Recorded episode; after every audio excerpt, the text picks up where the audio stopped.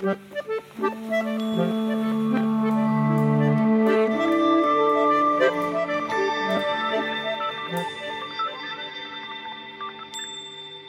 jeg ønske velkommen til en ny episode i podkasten Ytringsklima. Her snakker vi om hvordan folk snakker sammen på jobb. Jeg heter Øyvind Kvalnes, og jeg er professor ved Handelshøyskolen BI. I dag er det en litt spesiell episode. Det er første gang jeg har to gjester i studio. Eh, og de to eh, var studenter på kurset som heter eh, Ytringsklima og ledelse i høsten 2021. Velkommen til Ida Langdalen Kristiansen, som jobber med intern kommunikasjon i Moelven Industrier. Tusen takk. Og velkommen til Mia Lundgren, som er seniorkonsulent i Assessio Norge. Takk for det. Dere var jo en del av det første kullet som tok kurset Ytringskrim og ledelse. Og det første kullet var magisk. Eh, kloke, engasjerte, morsomme mennesker. Så det er veldig stas at dere er her. Eh, og jeg lyst til at dere skal fortelle litt om hvordan det var å skrive prosjektoppgave om ytringsklima.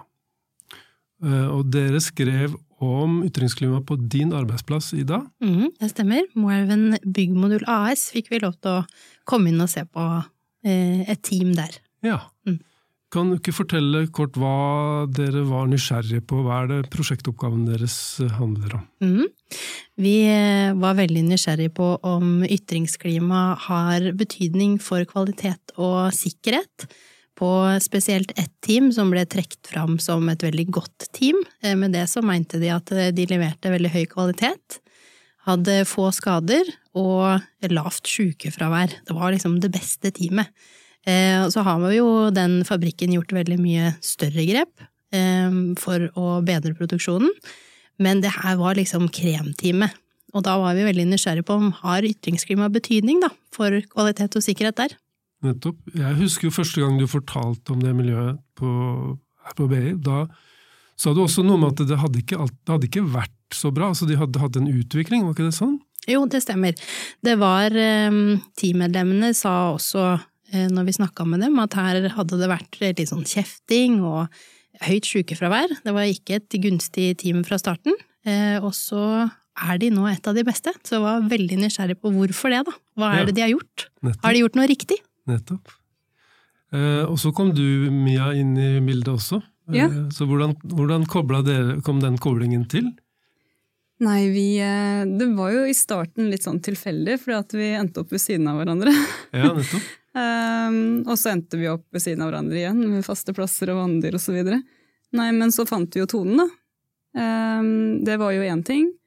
Um, og så hadde jeg i utgangspunktet planer om å skrive alene, men så fant jeg ut at det hadde jeg kanskje ikke så lyst til allikevel. Og så sier Ida ja, men kan ikke du skrive med meg, da? Nettopp. Og da ble jeg veldig glad. Vi er jo veldig det var jo litt morsomt, for det, dette var mitt første fag på executive master, og Mia sitt siste. Ja. Mia er utrolig sterk eh, både på metode og teori, og det var jo første gangen jeg skulle hive meg ut i en prosjektoppgave. Så det å matcha vi jo veldig godt på, da. Nettopp. Husker dere hvordan dere kom i gang med å liksom, starte samarbeidet deres og komme i gang med prosjektoppgaven? Vi, ehm, sånn som jeg husker det, så, så, hadde vi jo litt sånn Hadde vi ikke litt sånn forventningsavklaring i starten, Ida, med hva Vi var veldig tydelige på begge to hva vi hadde lyst til å bidra med inn. Ja. Eh, Ida er god på noe, og jeg er god på noe annet. Eller, også var det veldig sånn ja, klart for oss hva vi ville bidra med inn. Det var jo én ting som var litt sånn positivt, da. Mm. Og så måtte vi jo ehm. finne ut av eh, hvordan vi kunne jobbe sammen. Mia bor i Drammen, og jeg bor i Brumunddal. Ja. Eh, med litt forskjellig livssituasjon, med små barn hos meg og ja. Eh, så forventningsavklaring også på hvordan vi skulle jobbe, var veldig viktig. Eh, og ja, vi fant ut at vi jobber én dag i uka, setter av en fast dag, og booker det inn i kalenderen sånn at vi har det der. Og også da underveis Det første vi gjorde, var jo å sette mål for når skal vi være ferdig med de ulike delene av oppgaven, og fra gang til gang være veldig tydelig på hva hva gjør vi da, fram til neste gang, sånn at jeg visste hva Mia kom til å bidra med, og Mia visste hva jeg skulle gjøre. Nettopp. Så dere hadde en ganske stram plan fra, fra starten av på hvordan dere skulle gjennomføre dette her sammen? Ja, på en måte så var den jo ganske stram, men på en annen side så tenker jeg sånn å jobbe sammen én gang i uka det føles ikke så mye. Men vi gjorde jo det vi skulle til hver gang, og da gikk det holdt jo det. Mm. Um, Det var veldig Det var gleda meg til hver onsdag. Ja, nettopp. det gjorde jeg også. Ja. Men dere kom jo da i tale med folk i dette miljøet. Eh, Hvordan gikk dere fram for å få kontakt og for å sette avtaler for å inn- gjøre disse intervjuene? Nå jobber jeg i Moelven Industrier, som er morselskapet til eh, Byggmodul hvor vi var inne. Eh, Så jeg kjenner jo det selskapet ganske godt. Eh, Så jeg fikk gjort avtaler om eh, Når vi hadde landa ut hvilken metode vi skulle bruke, så fikk jeg gjort avtaler om observasjon. Jeg var jo veldig nysgjerrig på hvordan man observerer ytringsklima, da. Og se på klarer vi å finne noen småskrittsforbedringer som faktisk har betydning for et godt ytringsklima. Men da gikk vi fram rett og slett sånn at vi tok kontakt med både daglig leder og fabrikksjef og produksjonsleder, sånn at det var skikkelig forankra at vi skulle inn og observere. Eh, Og så snakka vi jo med teamleder om at nå kommer vi. Ja. Og da, hvordan foregikk eh, observasjonene? Da hadde vi sammen i forkant lagd et kartleggingsskjema eh, Ja. som gikk ut fra teoriene som vi hadde lyst til å se på. Det var jo da psykologisk trygghet. Det undersøkte vi i forkant av observasjon. Da brukte vi sju spørsmål eh, som er definert for å finne ut av hvor psykologisk trygge det er de som, som team.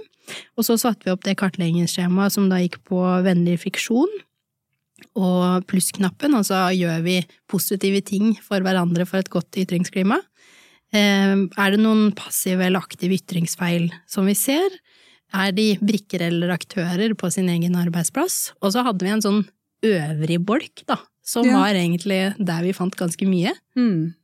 Og jeg tror vi også vi hadde hint og håp, Ja. eh, som er litt sånn artig, Ja, syns jeg. I hvilken grad man tror at andre skal tankelese deg. ja nettopp. nettopp. Og den Anna-bolken, der hadde vi jo også humor, var jo blant annet en ting som kom der, og litt sånn hvor, hvor sterkt opplever vi hierarkiet i den gruppa, det vil jo kunne påvirke ytringsklima. Er det kameratskap, trekker man naturlig sammen for å snakke sammen?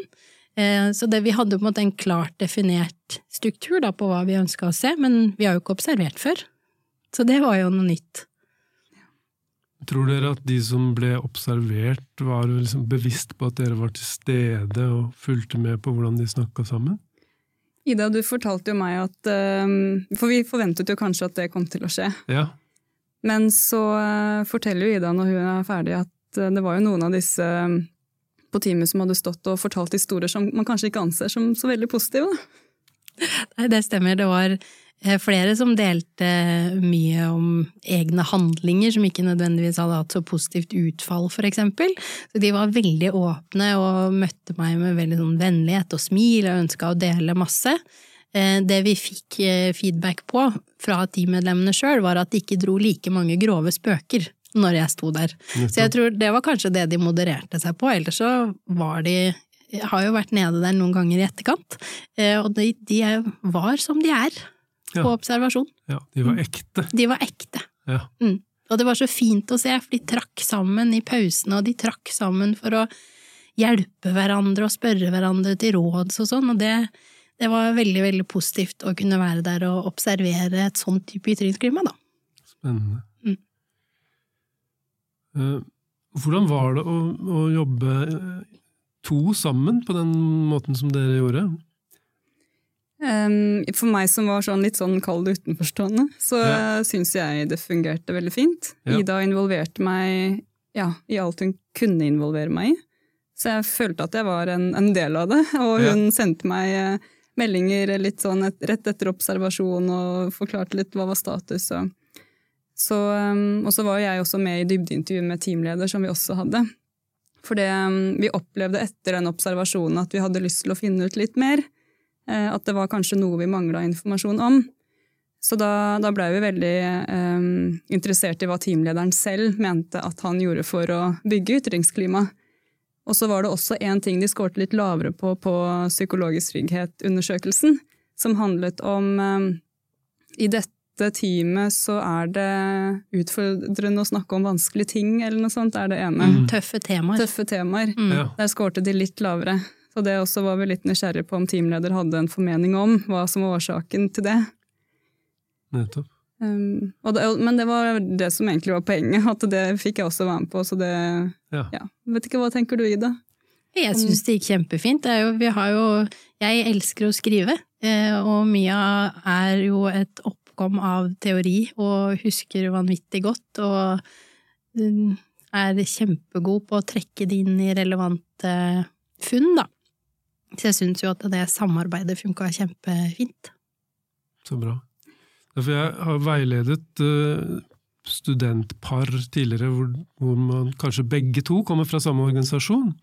Så jeg ser jo på det som en styrke, det som var i relasjonen deres. At eh, det var en som var tett på, og en som kunne kikke på ting fra litt større avstand.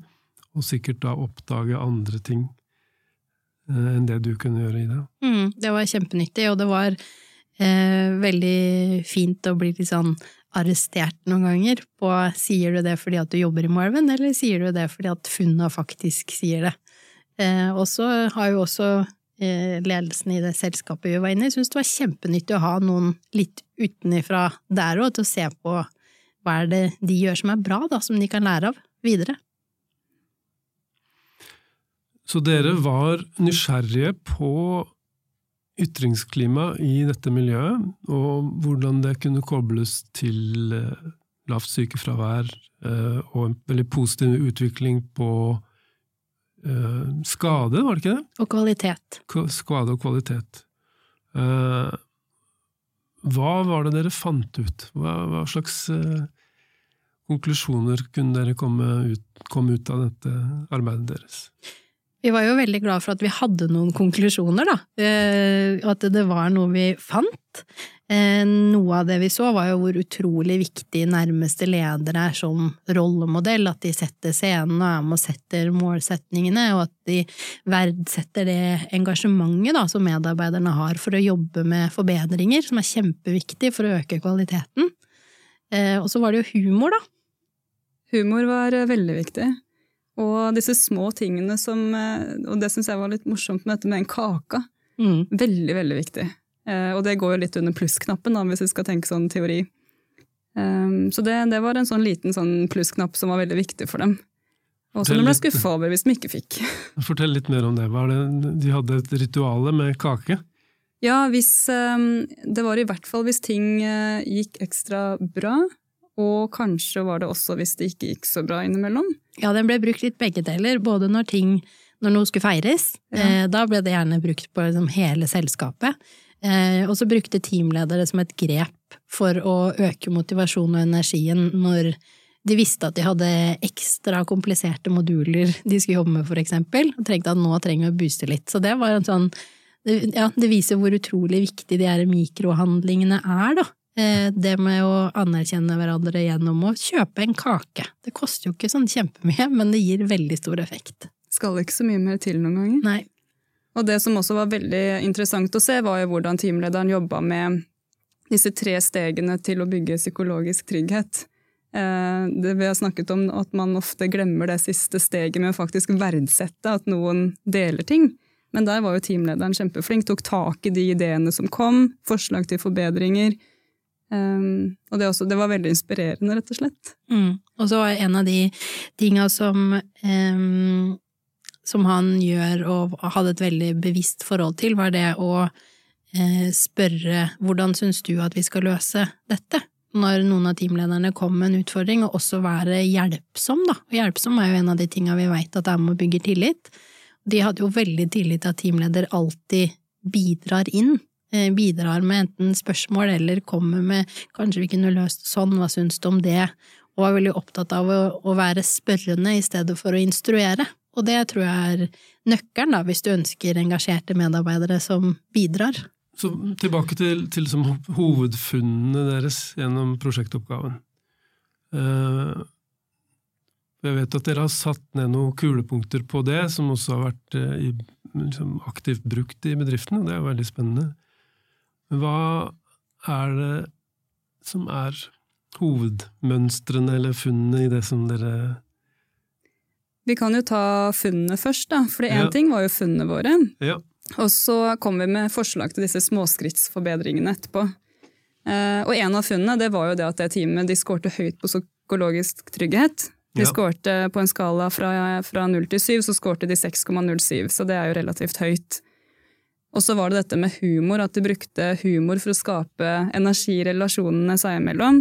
Eh, også det å ufarliggjøre å snakke om feil, som ble nevnt her i stad. At teamleder eh, er med på å, å, å bidra og diskutere når de kom med forbedringsforslag, og når de fant feil, var også et funn. Mm. Og så Um. oppsummerte vi jo da summa funnene i eh, fem småskrittsforbedringer, Ja. som ble brukt ganske mye etterpå. Eh, og det første der som teamleder naila på det teamet her, det var jo det å sette mål sammen med teamet ditt. Det er vel det du kaller å sette scenen. Eh, og så invitere til dialog i stedet for å bare informere, altså en ønsker aktivitet. Og så gi inn positive tilbakemeldinger da når medarbeiderne ytrer seg, eksempel når de kommer med forbedringsforslag, så blir det tatt tak i. Så han verdsetter engasjementet. Eh, og et annet småskrittsforbedringspunkt, eh, det var å være en god rollemodell eh, gjennom, det å være hjelpsom og anerkjenne når medarbeiderne rundt deg ber om hjelp. At det løfter kvaliteten for sikkerhet og, og ja, kvalitet og sikkerhet på hele teamet. Og så hadde han brukt ganske mye tid på å finne ut av hvilke positive handlinger da, som faktisk gir energi på, på teamet. Og det var jo, som jeg har nevnt, Kakefredag og positive tilbakemeldinger til de arbeidslaga. De jobba jo gjerne to og to, og masse, masse humor. Eh, de så jo at når de skulle ta opp feil, for eksempel, så var jo humor nøkkelen til å kunne gjøre det på en veldig sånn ufarlig måte. Det ble jo ikke såra for at du kommenterer noe du har gjort feil. Det blir tatt med en sånn lett tone. Og så eh, et tips vi har kommet med, er jo det å faktisk sette pris på en god diskusjon. Ja. Ehm, Det betyr jo bare at medarbeiderne er engasjerte når de kommer med forslag og tips til hvordan man kan eh, forbedre ting. Eh, Så det å prøve å ufarliggjøre det å få um, tilbakemeldinger og, og innspill til å forbedre ting, er, er bare positivt. At man ikke skal se på det som kritikk og ja. Det er et, eh, et godt tips, syns jeg. ja. Og siste tipset vi hadde, det kom jo egentlig ut ifra at de har en litt sånn uttalt sosial kodeks da, på det teamet her om å delta i, i kommunikasjonen. Det blir kommentert hvis du går veldig mye med headset, eller hvis du ikke på en måte bidrar nok. Eh, Så det å være en god kollega som måte inviterer alle inn i praten, da, eh, og som er raus med positive tilbakemeldinger Akkurat på positive tilbakemeldinger så hadde det teamet her litt å jobbe med, de ønska å bli bedre på det. Eh, Men de var tydelige på at det er noe som gir, gir oss som gruppe energi, da. Nettopp. Men, men småskrittsforbedringer her, det er ting som de på denne avdelingen faktisk allerede gjorde. Så det er et tips til andre da, om å gjøre dette og følge mønstre som, som dere kunne observere i denne avdelingen, ikke sant? Det stemmer, og det er jo fordelen med å kunne ha noen som kommer inn og gjør en sånn type oppgave, da. At man får en del tips man kan ta med seg. Så de tipsene her blir brukt, brukt blant annet i kommunikasjonstrening team, til teamledere. Eh, selskapet har brukt det aktivt, og også eh, når vi jobber med HMS-kursing for eksempel, så brukes funna og tipsene til små ting man kan teste ut for å eh, få høyere sikkerhet og bedre kvalitet. Fordi enkelte andre prosjektoppgaver munner jo ut i småskrittsforbedringer, hvor man sier nå har vi sett på hvordan dere jobber sammen, og så har vi funnet ut at det er noen ting dere gjør bra, og så er det en del ting dere kan gjøre bedre. Og så er de forslagene til forbedringer til det miljøet man har besøkt. Men, men sånn som jeg hører dere, så sier dere at dette var allerede noe de holdt på med. Ikke sant? Det er helt, eh, helt riktig, og det, det gjør det egentlig litt ekstra gøy, da. Ja. For da kan man jo spre det gode budskap og de gode tipsene rundt i andre team og andre avdelinger som kan ha utbytte av det. Nettopp. Eh, og det har jo vært eh, vært veldig positivt. Eh, altså, man, vi har jo fått mye gode tilbakemeldinger fra selskapet om at dette er noe vi setter pris på og har lyst til å bruke. Det, det er veldig moro. Um, Fikk dere noe inntrykk av hvor teamlederen hadde fått ideene til å gjøre ting på denne måten? Altså, hva, jeg syns det er veldig artig. Noen ganger så møter jeg folk som bare intuitivt forstår hva godt lederskap er for noe. Mens andre har lest seg til eller eh, fått det gjennom andre kilder. Da. Eh, fikk dere noe inntrykk her, hvordan han hadde kommet fram til eh, denne måten å jobbe på? Han har jo jobba i selskapet siden han var lærling. Ja. Så han har vært der i 16 år. Og det han har hatt av lederutvikling da er det samme som alle de andre teamlederne der har hatt. De har gått en egenutvikla teamlederskole. Så han er nok bare en intuitiv, god leder, eh, også en litt introvert leder, eh, som var bevisst på at han ønska at de andre medarbeiderne skulle få være med å skinne, da. Og være en del av gjengen. Det var sånn jeg også opplevde det ved å komme litt utenfra og sitte og snakke med han, at det var veldig, var veldig inspirerende å sitte og høre på. Han fortalte liksom bare hva han gjorde, og han forklarte, forklarte ikke så veldig mye om hvorfor, eller for dette har jeg hørt at det er bra, eller noe sånt. Han bare fortalte hva han gjorde, og jeg og Ida sitter jo bare og smiler. Det er liksom spot on det man teoretisk skal gjøre, da, i et godt lederskap. Det høres ut som et eksempel på en som gjør ting etter boka uten å ha lest boka. Absolutt. Eh, jeg har kollegaer på BR som sier, som sier at det fins sånne ledere, men da har de bare hatt flaks. Men jeg tror ikke det er flaks, jeg tror det er opparbeidet uh, erfaring og menneskekunnskap, på en måte. Han var jo veldig bevisst på hvordan han blant annet satt sammen de arbeidslaga på to og to. Ja. Fordi man hørte Han sa 'jeg hører det så veldig godt når de arbeidslaga ikke funker'. Og det tenker jeg er en At man er litt sånn lydhør, da. Bruker øra mer enn munnen, der har kanskje jeg litt å, lære, men virka som han var veldig god på å lytte og eh, fange opp inntrykk av hvordan folka rundt seg har det. Ja, det var noe han sa han eh, testet litt, rett og slett. Han testa litt sånn to og to, eh, bytta når det ikke funket, og prøvde å finne ut av hva som funka best, da. Både for trivsel og at man skal kunne tørre å si ifra om ting, og det har nok bidratt. Var det noe som overrasket dere underveis? Dere gikk jo til uh, saken og hadde en, en uh, var nysgjerrig på hvorfor ting funka sånn som det gjorde. Hvordan de har klart å få ned skadefrekvensen. Det er blitt tryggere å dra på jobb, og det er blitt lavere sykefravær.